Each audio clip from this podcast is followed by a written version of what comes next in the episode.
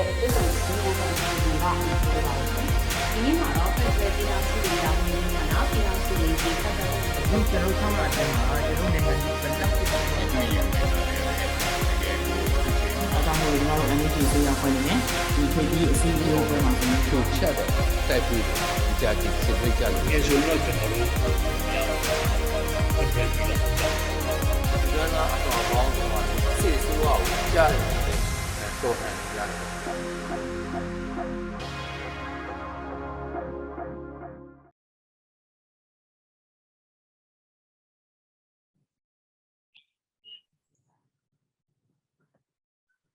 မင်္ဂလာပါဆရာ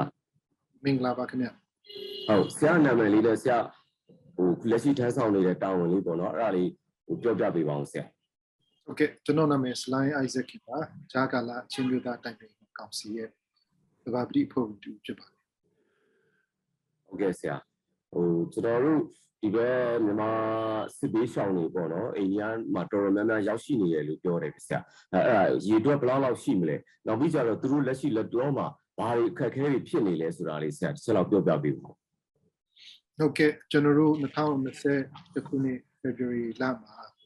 ဒီစစ်တပ်ကအာဏာလုယူဖြစ်ပွားပြီးတဲ့နောက်အာလုံခြုံရေးအ ကြောင်းကြောင့်ပေါ့နော်အာမလုံမချုံဖြစ်လာတဲ့အတွက်ကြောင့်တို့အာမြန်မာနိုင်ငံနယ်နိမိတ်ကိုချက်ကျော်ပြီးတော့အိန္ဒိယဖက်ချမ်းမှာတိန့်ရှောင်ခုလုံကြတဲ့အရေအတွက်ဟာဒီ4000ကျော်9000နီးပါးဖြစ်တယ်လို့သိရှိထားပါတယ်အများဆုံးကတော့ကျွန်တော်တို့မီဇိုရမ်ဖြစ်ဖြစ်တယ်ပေါ့နော်ဒီဒီလူကြီး4000ဒီပါရောက်ရှိနေတာဖြစ်ပါတယ်အများဆုံးကတော့ချင်းပြည်နယ်စကိုင်းတိုင်းအဲဘက်ကအများဆုံးဖြစ်ပါတယ် နောက်ဒုတိယကတော့ကျွန်တော်မဏိပူပြည်နယ်မှာဒီအယောက်9000လောက်ရှိတယ်လို့ကျွန်တော်သိထားပါတယ်နောက်ပြီးတော့နဂလင်ဘက်မှာ150လောက်ရှိတယ်ပေါ့နော်နောက်အရုဏချာဘက်မှာတော့10ကနန်းလောက်ရှိပါတယ်နောက်ပြီးတော့ New Delhi မှာတော့2000နဲ့3000ကျားရှိတယ်လို့ကျွန်တော်သိထားတယ်ပေါ့နော်ဆိုတော့ဒီအာဒီဖက်ချမ်းကိုကိုလုံရောက်ရှိလာတဲ့လူတွေက ဥပမာအဖြစ်ဆိုပါစို့ဒီ civil disobedience movement မှာပေါင်ကြတဲ့ဝန်ထမ်းတွေဆိုလို့ရှိရင်လည်းဖမ်းဆီးမှာဘူးဆိုရင်ကြောက်ကြတဲ့အတွက်ကြောင့်ထွက်လာကြရတာဖြစ်ပါတယ်နောက်တစ်ခုဒီအရက်သူရက်သားတွေဆိုလို့ရှိရင်လည်းမိမိတို့ဒေသမှာတိုက်ပွဲတွေဖြစ်ပွားလာတဲ့အတွက်ကြောင့်အဝိတ္တတေကိုတစ်ခုနဲ့ဒီအိန္ဒိယဘက်ကိုတင်းရှောင်လာကြတာဖြစ်ပါတယ်။အဲ့ဒီအတွက်ကြောင့်သူတို့အဓိကလိုအပ်တဲ့အခြေအနေကစားဝင်တွေပေါ့နော်။နံပါတ်1ကတော့စားစရာ စားတော့ခက်ခဲရှိတယ်လို့ကျွန်တော်သိထားပါတယ်။နံပါတ်2ကနေပို့ထိုင်ဖို့ဖြစ်ပါတယ်။နံပါတ်3ကတော့ဒီစေဝါပေါ့နော်။စေဝါတွေဖြစ်တယ်။နံပါတ်4ကတော့ခုအကြောင်းပေးရဖြစ်တဲ့အတွက်ကြောင့်ကလေးသူငယ်များအတွက်အကြောင်းစေးပြီးအခက်ခဲရှိတယ်လို့ကျွန်တော်သိရပါတယ်။နောက်ပြီးတော့ဒီဖက်ချမ်းမှာအာလာရွှေ့ပြောင်းအာတင်းရှောင်ကြတဲ့အချိန်ကာလကြာလာတာညသူတို့အနေနဲ့ဒီဘက်မှာလောက်ကင်စားတော့ဖို့အတွက်နော်ဒီအလောက်ကင်ခွင့်လန်းတွေ စင်ခေါ်မှုရှိတယ်လို့ကျွန်တော်သိထားပါတယ်ဟုတ်ကဲ့ဆရာအဲအဲ့ဒီကျွန်တော်တို့မြန်မာပြည်စစ်ဘေးရှောင်ဒုက္ခသည်တွေပေါ်မှာရောအဲ့ဒီအိန္ဒိယအစိုးရဘယ်လိုသဘောထားထားလဲဆိုတာကိုတစ်ချက်လောက်ရှင်းပြပေးအောင်ဆရာဟုတ်ကဲ့ဒီအိန္ဒိယဘဟုအစိုးရပေါ့နော်ဒီလီအနေနဲ့ကတော့အဲကျွန်တော်တို့မြန်မာပြည်ကတင်းရှောင်ရောက်ရှိလာတဲ့ဒီပြည်သူတွေနဲ့ပတ်သက်ပြီးတော့အစောပိုင်းကလည်း သူတို့အနေနဲ့တိတ်ပြီးတော့လက်ခံလို့တဲ့အနေအထားမရှိဘူးဆိုတဲ့အနေအထားမျိုးတွေကျွန်တော်ကြားပါတယ်။သို့တော်လည်းပဲကျွန်တော်တို့ဒီတင်းရှောင်ပြည်သူတွေကိုနဖူးတွေဒူးတွေနော်လက်ခံကြရတဲ့ပြည်နယ်တွေပေါ့အထူးသဖြင့်ဒီအာမီဇိုရမ်ပြည်နယ်လူမျိုးဆိုလို့ရှိရင်ဒါလူမျိုးကလည်းတူကြတယ်ဘာသာစကားလည်းတူကြတယ်ကုကွယ်ယုံကြည်တဲ့ဘာသာတရားကလည်းတူကြတဲ့အခါကျတော့ဒီအစိုးရကိုယ်တိုင်ကအစကမကထလက်ခံပေးပါတယ်။ နောက်ပြည်သူတွေကလည်းလက်ခံပေးတယ်။အဲ့ဒီကနေတစ်ဆင့်ဒီဘဟုအစိုးရကိုပြန်ပြီးတော့တွန်းအားပေးတဲ့သဘောမျိုးအဲ့တော့ဘဟုအစိုးရကလည်းတွန်းအားပေးတဲ့အပေါ်မှာနော်ဘဟုအစိုးရ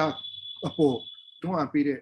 အခြေအနေတွေကြောင့်ဘဟုအစိုးရရဲ့ဘဝရတွေလည်းပြောင်းလာတယ်လို့ကျွန်တော်နားလည်ရတယ်ပေါ့နော်။အဲ့တော့ခြုံပြီးတော့ပြောရမှာဆိုလို့ရှိရင်အိန္ဒိယ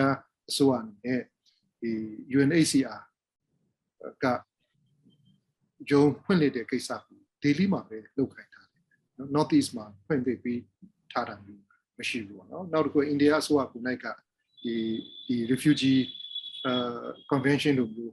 စာချုပ်စာတမ်းတွေကိုလက်မှတ်ရေးထိုးထားတာရှိတဲ့အခါကျတော့သူတို့အနေနဲ့အဲဒီဖက်ကိုကိုလုံတင်းရှောင်တော့သူများအရေးနဲ့ပတ်သက်ဆောင်ရွက်ရတာအကန့်အသတ်တွေအများရှိတယ်သူတို့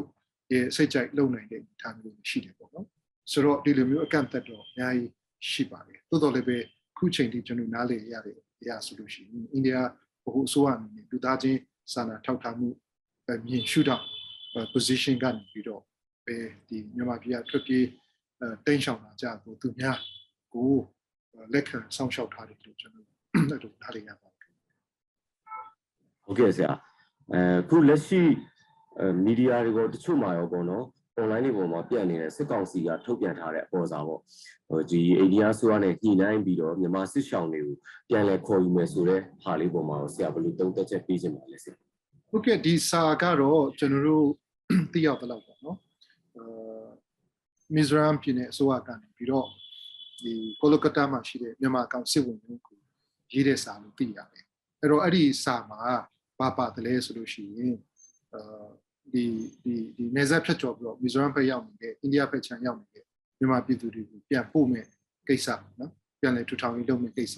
ဒီသူ့ရဲ့အသုံးအနှုန်းနဲ့ပြောမယ်ဆိုလို့ရှိရင်ဒီ repatriation နဲ့ဒီ resettlement ပေါ့နော်ဒါကတော့တော်တော်လေးအန်ဒီကြီးတဲ့ကိစ္စဖြစ်ပါတယ်ဒါ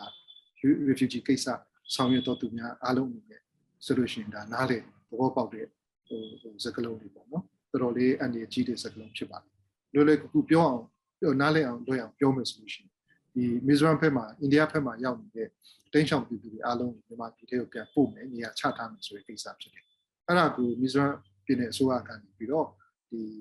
အာကိုလကတာမှာရှိတဲ့မြန်မာကောင်စစ်ဝင်ရုံးစာရေးတယ်ဆိုတဲ့ပုံစံကိုရေးထားတယ်ဒါပေမဲ့တကယ်တကယ်တော့ဒါကို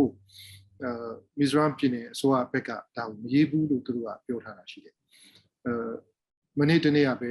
မင်းတပ် post ကနေပြီးတော့မီဇိုရမ်ပြည်နယ် home minister ပေါ့နော်ပြည်ထောင်ဝင်ကြီးကိုတွေ့ဆုံ interview တဲ့အထက်မှာဒီကိစ္စကိုပြောထားတယ်ငကိုအရင်ရေးတာကဒီကောင်မြန်မာဘက်ကစကားစဘက်ကနော်အရင်ရေးတာဖြစ်တယ်ဒီရေးတဲ့အပေါ်မှာမီဇိုရမ်ပြည်နယ်အစိုးရဘက်ကတော့အကြောင်းပြန်တာပဲဖြစ်တယ်သူတို့အကြောင်းပြန်တဲ့အထဲမှာလည်းပဲလုံခြုံရေးအရအများကြီးအစင်သက်မဖြစ်သေးတဲ့အနေအထားမျိုးရှိတယ်ဆိုတာဟာလူကသူကထည့်ရေးတယ်ဆိုတာဟာမျိုးအဲသူကသူ့ရဲ့ interview မှာဖြေသွားတာရှိတယ်သူနေ့တူစွာပဲကျွန်တော်တို့ ဒီမီဇိုရမ်ပြည်နယ်ဝန်ကြီးချုပ်အပအဝင်နော်ပြည်နယ်တာဝန်ရှိသူတွေနဲ့ NGG ဘက်ကပဲဖြစ်ဖြစ် ICNCC ဘက်ကပဲဖြစ်ဖြစ်မကြာခဏတွေ့ဆုံခွင့်ရတဲ့အခါမျိုးမှာနော်ဒီမီဇိုရမ်ပြည်နယ်အစိုးရအနေနဲ့တတ်နိုင်တဲ့ပြဒီတင်းချောင်ပြည်သူတွေပေါ်မှာအခုကြီးစောင့်ရှောက်နေဆိုတဲ့အချက်ကိုသူတို့မကြာခဏပြောပြီးသားဖြစ်ပါတယ်အဲ့တော့အခုဝန်ထမ်းမောင်လေးလက်မှတ်ရေးထိုးပြီးတော့အခုလိုမျိုးရေးသားတဲ့ကိစ္စဟာမီဇိုရမ်အစိုးရနဲ့ဒီ ဒီတင်းချောင်ပြည်သူတွေကြားမှာသူလကောင်းမီဇိုရမ်ပြည်နယ်အစိုးရနဲ့မီဇိုရမ်ပြည်သူတွေကြားမှာသူလကောင်းနားလည်မှုလွဲအောင်ဟိုဟိုဖြစ်စီတဲ့အရေးအသားမျိုးဖြစ်တဲ့အတွက်ကြောင့်ကျွန်တော်အနေနဲ့ကတော့ဒါအပြင်းထန်ကန့်ကွက်ရှုတ်ချတယ်ပေါ့နော်ဒါမျိုးမလုပ်သင့်ဘူးပေါ့နော်တိုးတော်လည်းပဲဒါစကားစအနေနဲ့ဒီလိုမျိုးလုပ်တဲ့လက်ဆလက်နက်ပြီးတော့စောပိုင်းမှာကျွန်တော်တွေ့ရပါတယ်ကျွန်တော်လွန်ခဲ့တဲ့လလဆန်ပိုင်းပေါ့နော်ဒီအာ မဏိပူပြည်နယ်ထဲမှာရောက်နေတဲ့ကျွန်တော်မြန်မာနိုင်ငံကတက်ကြွလှုပ်ရှားသူတွေနိုင်ငံဆောင်ရွက်ကြသူတွေ CDM တွေပြန်ပြီးတော့မြန်မာပြည်ထဲကိုပြန်တွန်းထုတ်နိုင်ဖို့နော်ပြန်ပို့နိုင်ဖို့ကိစ္စမျိုးကိုဒါကိုဥတည်ပြီးတော့ပေါ့နော်ဒါဒါဆောင်ရွက်တဲ့လုပ်ငန်းကိုကျွန်တော်သုံးသပ်လို့ရပါတယ်ဒါတမူးမြို့မှာအိန္ဒိယနိုင်ငံသားနှစ်ယောက်ကိုဟိုတပ်ဖြတ်လိုက်တဲ့ကိစ္စပေါ့နော်ဆိုတော့ဒီလိုမျိုးပုံစံနဲ့သူတို့ကဟိုအကွက်ချပြီးတော့ အထင်မြင်လွဲမှားအောင်ဆောင်ရွက်တဲ့ကိစ္စမျိုးဖြစ်ပွားခဲ့တာအလုံးသိတယ်ဖြစ်ပါတယ်ဒါကိုတမူးပအဖအပေါင်းလွတ်တော်ကိုယ်စားလှယ် NUG ပြည်ထောင်ဝင်ကြီးဌာနဘက်ကဒီကိစ္စကိုစနစ်ကျ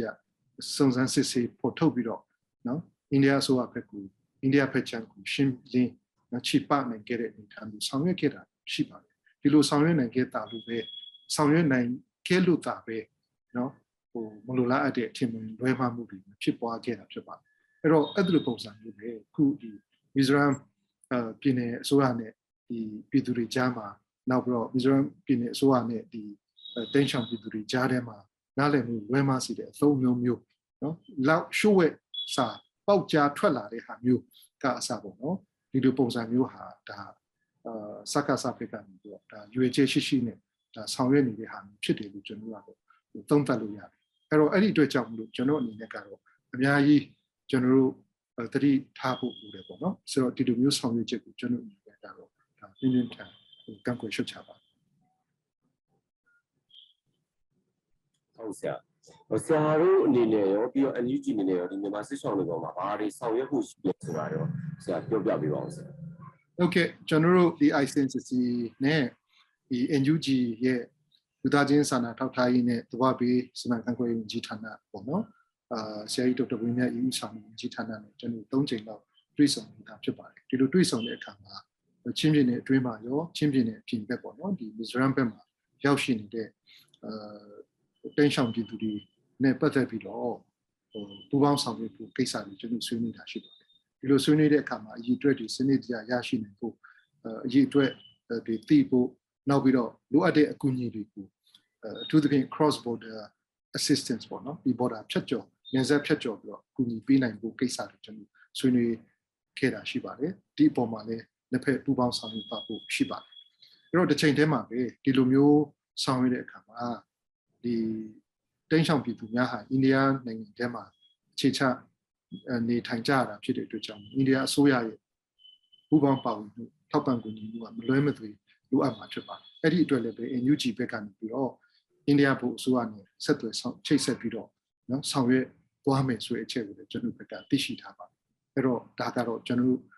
ICNCC နဲ့ NUG အနေနဲ့ကတော့အာဒီဒီဒီ Mizoram ပါဝင်ပေါ့နော်ဒီဖက်ချမ်းမှာရောက်ရှိနေတဲ့တင်းချောင်ပြည်သူများအတွက်လိုအပ်တဲ့ဟိုအကအကွယ်ပေးရေးနဲ့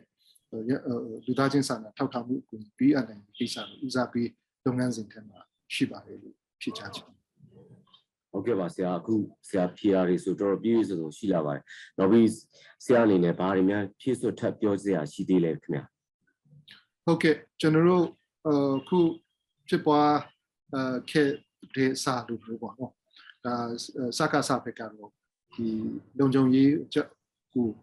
အကြောင်းပြုပြီးတော့เนาะမိမိတို့ဒေတာနေရာမှာမလုံခြုံတော့တဲ့အတွက်ကြောင့်မို့ဒီအိန္ဒိယဘက်ချမ်းကိုခုလုံလာကြတဲ့ပြည်သူတွေ အေးအေးချမ်းချမ်းနဲ့ခုလုံလို့မရအောင်ညီမျိုးစုံနဲ့သူဒုက္ခပေးနိုင်တယ်ဆိုတာကိုကျွန်တော်မမေ့ဖို့ရည်ကြည်ပါတယ်တစ်ချိန်တည်းမှာပဲ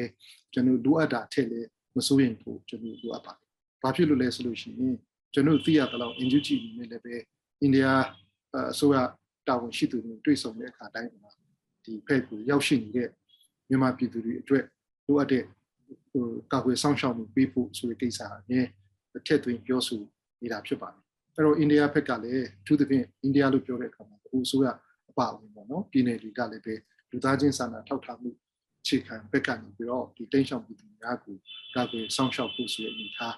အဲရှိတယ်ဆိုတာတော့အခုချိန်ထိကျွန်တော်အနေနဲ့အဲဒါကိုပြောလို့ရပါတယ်အဲ့တော့ကျွန်တော်ပြည်သူများအနေနဲ့ကတော့လိုအပ်တာထက်မစိုးရင်ဖို့ဟိုရှိပါတယ်တစ်ချိန်တည်းမှာပဲစကားစဘက်ကတော့ဖြတ်လူဖြစ်စီလုံနေမယ်ဆိုတာကတော့ကျွန်တော် တတိရှိဖို့တော့ကျွန်တော်အနေနဲ့တိုက်တွန်းချင်ပါတယ်ဟုတ်ကဲ့ဆရာအခုလိုမျိုးဆရာအချိန်ပေးပြီးတော့ပြည့်စုံစုံလေးဖြေချပေးရတဲ့ကျွန်တော် PPTV ကနေမှာဒူးကျေးဇူးတင်ပါတယ်ဆရာဟုတ်ကဲ့ကျေးဇူးတင်ပါတယ်ခင်ဗျာဟုတ်ကဲ့ပါဆရာဟုတ်ကဲ့